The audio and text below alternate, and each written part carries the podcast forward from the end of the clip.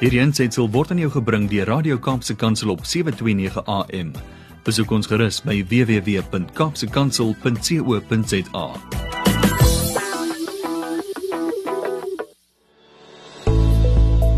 Into Me See a place where we learn about deep connection with yourself, those close to you, and, with God. In our program, we deal with reality, restoration, and redemption in the face of addiction. We uncover intimacy as seeing into me and the role it plays in healthy, authentic, and thriving relationships. Yeah, in our 38 years of marriage, our understanding of intimacy has grown incredibly. I am Frederik Wools. And I'm Soekie Wools. Even after all those years of growing in intimacy, we still have our challenges. Mm-hmm. In our roles as licensed counselors, we continue to learn about the crucial role of intimacy and relationships. Yes, and with the rapid development of technology, there are so many distractions, such as our phones, uh, the internet, and gaming, that lure us into a virtual world, away from face to face, intimate connections in the here and now. And that in turn impacts our intimacy with others, with God, and ourselves. Because of these distractions, many people fall into the trap of process and substance addiction as a substitute for intimate relationships with God, others, and themselves. Yes, so please join us as on our journey we travel into greater intimacy and connection, especially with those closest to us. This month, we're talking about my relationship with myself, God, and the way they influence one another and vice versa. It's not a straightforward topic, and we figured out we need an expert to get through this. It's our privilege to introduce to you Dr. Julie Slattery from the USA. Her credentials are too long to mention, but what's important for our next two conversations is that she's a recognized expert in the integration of biblical truth, intimacy, and sexuality. She's a clinical psychologist, author, and speaker with over 25 years of experience in counseling, discipling, and teaching. Yes, Julie holds several degrees in psychology from Christian universities, and she works at focused uh, focus on the family. She, she worked, worked there, there. and uh, she co-founded uh, Authentic Intimacy in 2012. And she hosts a weekly podcast called uh, Java with Julie. Thank you for that, Julie. Uh, blog speaks and writes about uh, the intersection of sexuality and Christian life. Julie and her husband Mike have been married f- since 1994 and have three sons. Mm, a very, very important credential for a mom and talking about intimacy, a B, a MA degree. Thank you, Julie, for joining us and very, very welcome. Oh, so good to be with you. Thank you for having me.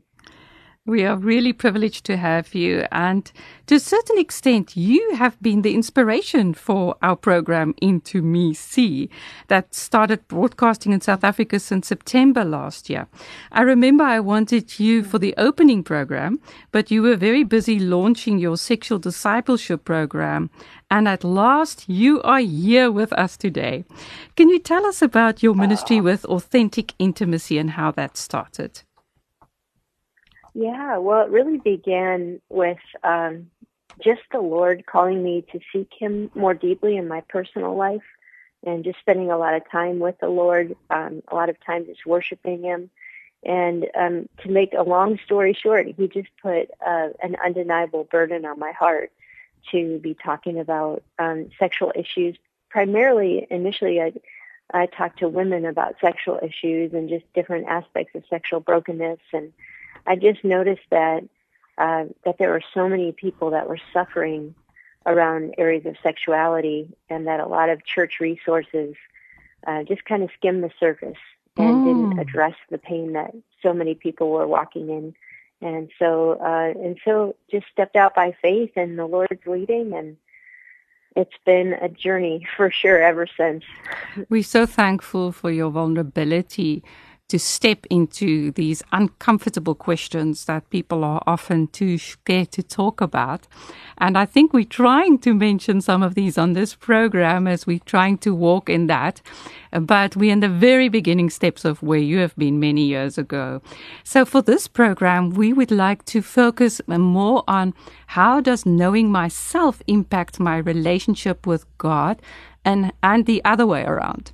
So, and the next mm-hmm. program, we'd love to get more into the sexuality part, and I know it's intertwined in some way, but um, we'd love you to help us to expand on that little by little. So, just as a start. Mm. Frederik wants to ask you a question. Yeah, thank you, Julie. And uh, what I noticed from what you were sharing with us is that you spend time with the Lord and you worship Mm-hmm. And uh, that didn't necessarily. Uh, this is the, this is my question. Did uh, it come from knowing yourself first, and and then you were able to connect and intimately with God, or was it God that was connecting with you intimately? And, and how did it work for you? Mm, boy, that's a good question. Well, uh, you know, my background being in psychology, we spend a lot of time focused on knowing ourselves, understanding mm-hmm. our own story, uh, you know, looking inward in terms of um, what is blocking me in my life, what fears do I have. But but what I think surprised me about that season of my life was I learned more about myself by knowing God. Mm. Uh, that I think we spend a lot a lot more effort looking inward to try to understand God Whereas if we can really know God and um, and connect with Him, I think He's the greatest psychologist. Uh, mm. We we gain clarity on the lies we believe. Um, we see that He can bring us healing, and so. Um, whereas I spent most of my my professional career looking at looking inward, I've really learned over the last ten or fifteen years the power of of looking upward, and um, that it really is when we see God rightly, we begin to see ourselves rightly. Mm, I love what you say. But on the other hand, I come from a background where I had a relationship with God, but it was very distant. I mean, I loved I loved him and I wanted to have a relationship with him, but it was a, a very intellectual relationship. I did mm-hmm. not have that relationship with myself. I didn't know about my feelings. I didn't know, I was, had no awareness. And I always tell our friends, the listeners, that for many years that kept me from an intimate relationship with God because I thought I had an intimate relationship with Him. But it was merely reading the Bible, praying, the, tra- you know, the rituals and the traditions. How would you yeah. respond to that? Mm-hmm. Yeah, that was very much my story as well, Soekie. It, it I had a very intellectual relationship with God. I served God. I loved Him. I obeyed Him. But I didn't have an intimate relationship with Him. And there's a big difference between the two. Uh, and one of the things that happened to me before I started authentic intimacy, when I kind of went into this journey of spending more time with the Lord, was I realized that even though I'd grown up in church and He was my Savior uh, I really confronted the fact that I didn't know God uh, like I would know a person. That when mm-hmm. I really confronted um, what was going on inside me, I didn't really know that He loved me. Mm. Um, I knew that He loved me as part of the whole world that He died for, but I really didn't understand that He knew my name, that He was he was inviting me to that personal of an interaction with him. And I, you know, we look at the first and greatest commandment, love the Lord your God with all your heart, soul, mind, and strength. Mm-hmm. And what I recognized is that I didn't know how to love God with my heart. Mm-hmm. Uh, I knew how to love him with my mind. Exactly. I knew how mm-hmm. to align my thoughts to his word. But I didn't know how to love him like I would love my husband mm. uh, with emotion, with affection. Mm. And so, um, and so when we talk about knowing and, and worship was a key part of that for me was learning how to personally worship him. But when we talk about knowing God changing our view of ourselves, we're not talking about the intellectual knowledge of God. We're talking about the actual personal knowledge of God, which is a whole different thing. Mm. And then what what I hear, yeah, it's more of an experiential knowledge of him. But what I hear is when you started pursuing him with your heart as well, not only with your mind. Am I right when I say that? Absolutely, yeah. Um, I knew how I knew how to pursue him with my mind. I loved studying the scriptures. Uh, I love that, but mm. um, but there's there was a block in my heart mm. uh, in terms of just receiving his love. Um, you know, when you talk about even knowing yourself, there's so much of our backgrounds and how we were parented that we project onto God and mm. assume that He's like. Mm. And uh, and so some of it was recognizing that that God wasn't isn't my parents, uh, that His love is completely different, mm. and um, and receiving His love in a different way than I ever had before. Mm.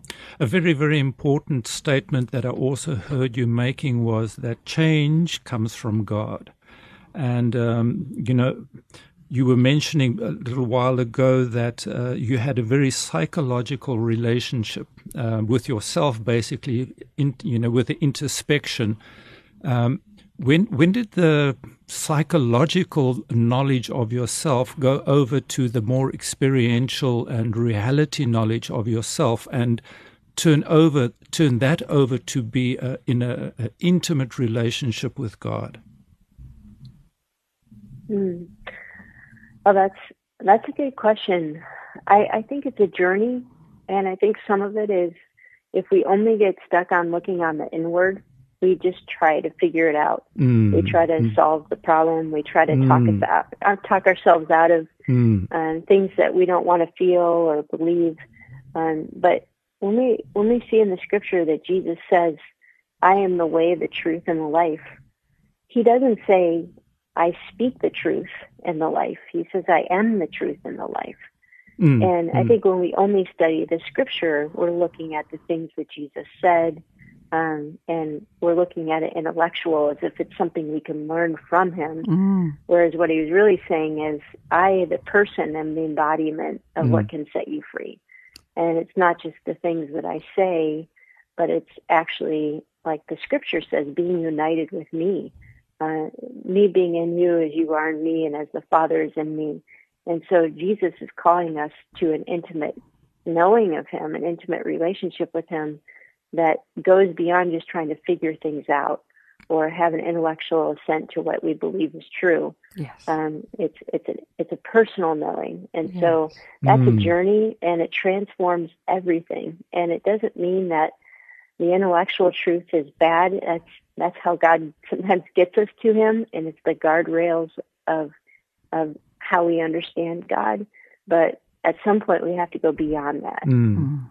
Mm. Very important for the, to go deeper, right? Let's quickly take a break and then we'll get back to you after the break and continue to talk about the struggles and hurts and how that helps us to get closer to Him. Yeah, thank you very much, Julie, um, for your sharing with us. And you were talking about this intimate relationship with God. And, um, you know, it's sometimes a difficult concept to understand. It's it's hard enough to navigate our relationship with other people, uh, people that we can see and hear. You know, there's a story of the small girl that was afraid and at night, and her father came to sit with her and said, "But Jesus is with you," and she responded by saying, "I would like a Jesus with a skin on." Um, so, how, hmm. how do we nurture this intimate relationship with God?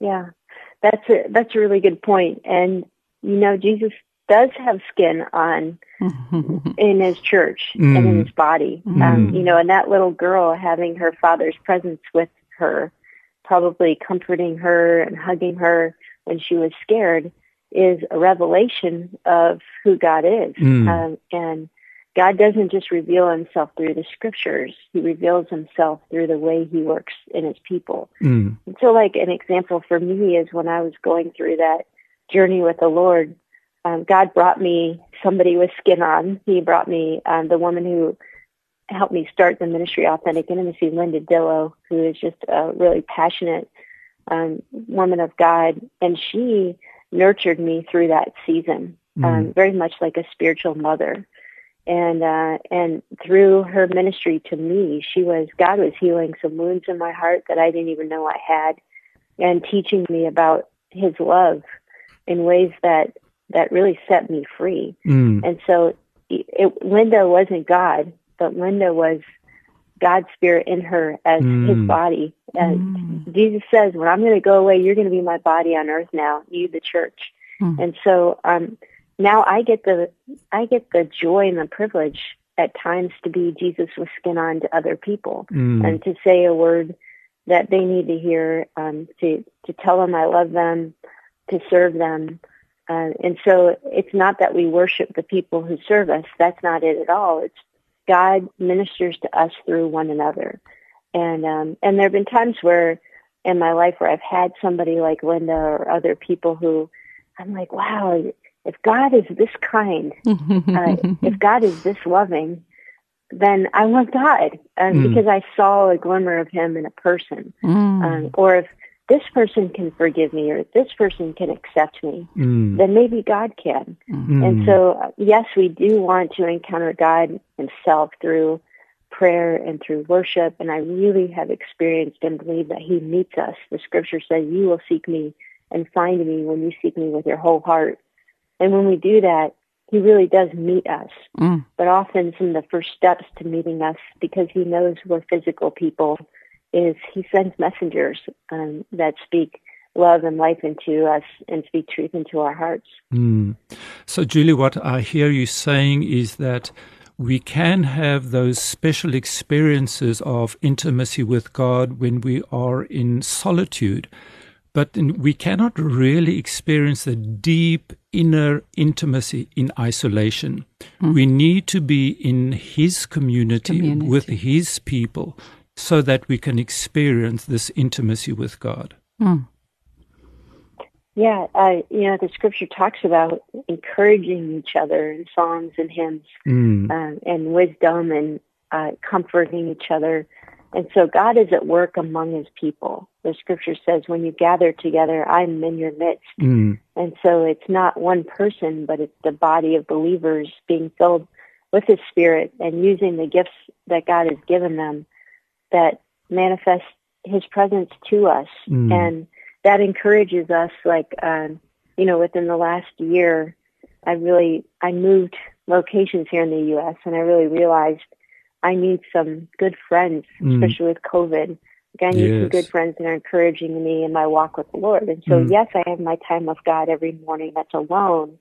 But I also now have four or five friends that we intentionally get together and we seek the Lord together. We encourage one another in our walks with Him. Mm. Um, we speak wisdom over each other, and so uh, there there has to be both that intimate alone time with the Lord, but the Scripture says don't forsake getting together, assembling together, and that doesn't just mean church. It means don't forsake, um, you know, communing together, talking about me, um, you know, encouraging one another in your faith because Mm. God designed us that we need that. Yep. So important. Um, the previous month, our theme for this program was um, the importance of sharing in safe spaces with groups of people, you know, small groups that are safe and non judgmental. And uh, that also reminds me, as you were talking, I was looking at, thinking about the cross. Um, you know, that's the vertical part of the cross is our relationship with God, and then the horizontal part, where um, our relationship with people and how that plays out in the symbol of the cross. Dr. Julie, I want to ask you something else because this program, um, many of our friends and our listeners um, struggle with some form of addictive behavior. And so we want to, I want to ask you about um, those of us who struggle with hang ups and habits and, and addictive behavior. How does that influence the relationship with God and myself, myself and God? Hmm. Well, I think we have to realize we're all we're all addicted to something. We're Mhm. all we're all addiction people, Mhm. and an, addi- an addiction is defined as essentially like where you go to get life. Mm. Um, when you wake up every morning, what is it that is going to give you a sense of grounding, a sense of I can make it through the day. Um, and so we're we're all addicted to something. Mm. Um, when we talk about addictions in our society, we're talking about addictions that are dysfunctional, and so addictions to things that are harmful, um, like drugs or alcohol, or um, addictions to pornography. But you know, when I wake up every day, the first thing I want to be I want to be addicted to is God. You know, because He made us to be addicted to Him. Mm. He made us to not be able to get through a day without fellowship with Him. But we substitute all these other things in His place, and so we're addicted to our phones. We're addicted to our social media accounts. Right. We're addicted to work. Um, we're addicted to our coffee. We're addicted to food, um, and so uh, we're addicted to certain people.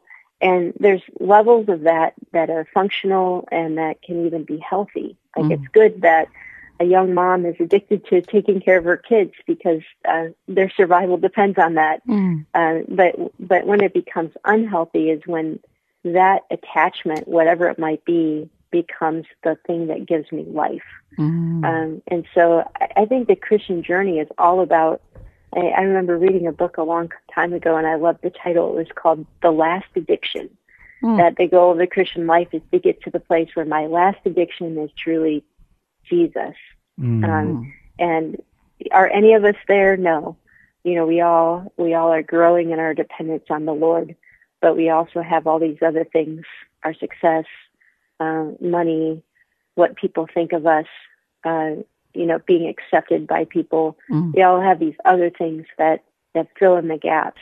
And so, um, true freedom is when we get to the place where we become addicted to the person that we were made we were made to to worship for eternity. And so that's we're all on that journey somewhere, and I think it helps to realize that um, that it's not just certain people who identify as being addicted. Um, just some people's addictions are are more evidently harmful than other people. Mm. It reminds me, um, I've heard someone said, and it was a pastor, that we actually all addicted, exactly like you said. So Frederik and I always say that on the program as well, except that people don't always mm. experience themselves as being like that, because in a way we're addicted to sin, you know, the, those patterns. So everything, anything and everything but God, you know, that gives us meaning Yes. and that gives us life. Hmm It is true. We're addicted to control. Mm. I mean, you name it. There, and when life starts to not work for us, the pain is that our addictions are revealed. Yes. Absolutely. You know, the, the person, Mm. the person that was giving us life isn't isn't there anymore, Mhm. or um, we can't have control anymore, um, Mm. and that that is pain. But it can also be seen as God's goodness um, to in His kindness revealing the things that we've attached life to. Mm. And, and th- these changes don't come in isolation and with our own efforts. So there are people that are caught in uh, life's challenges and problems and addictions that actually go, do go out for help. They join 12 steps groups, they go for counseling, they, they see people who are safe and that can give them direction and guidance and facilitate their, their relationships. How do these changes, um, how, what do they do in the relationships with themselves and uh, uh, with with God? These efforts that they make to to uh, go for help. Mm, that's a good question as well. You know, First John, I think, particularly First John chapter one, really talks about the difference between when we deny and hide sin and when we bring it in the light. Mm. And God is saying, when you bring your sin into the light, you have fellowship with me and with one another. Mm. But if you say that you don't have sin, then you deceive yourself and you walk in darkness. Mm. And um, the powerful thing about joining a group is not even necessarily whatever steps they're going to use or curriculum they're going to go through.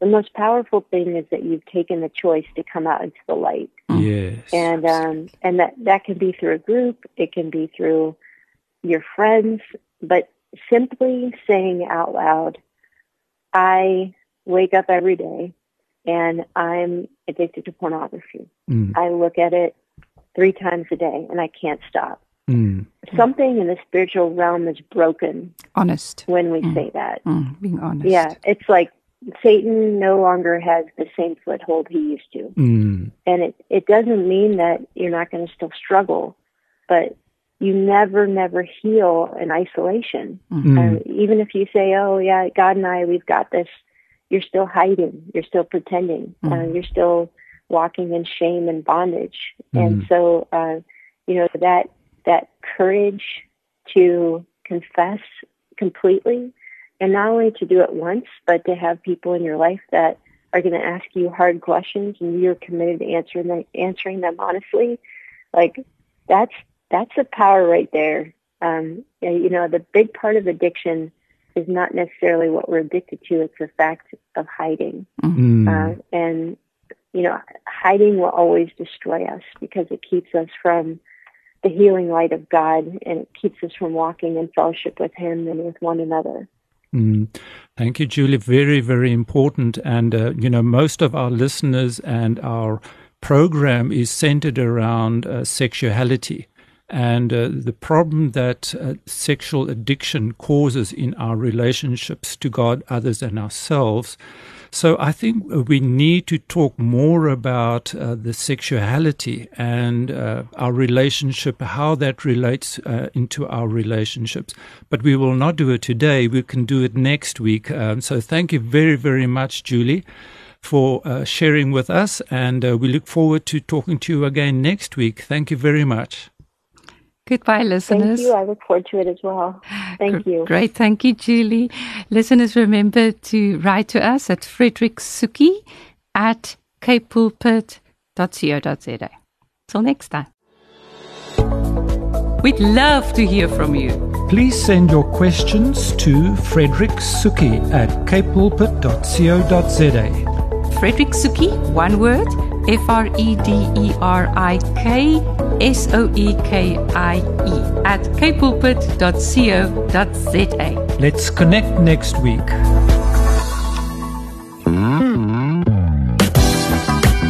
This insert was brought to you by Radio Cape Pulpit on 729 AM. Visit us on www.capepulpit.co.za.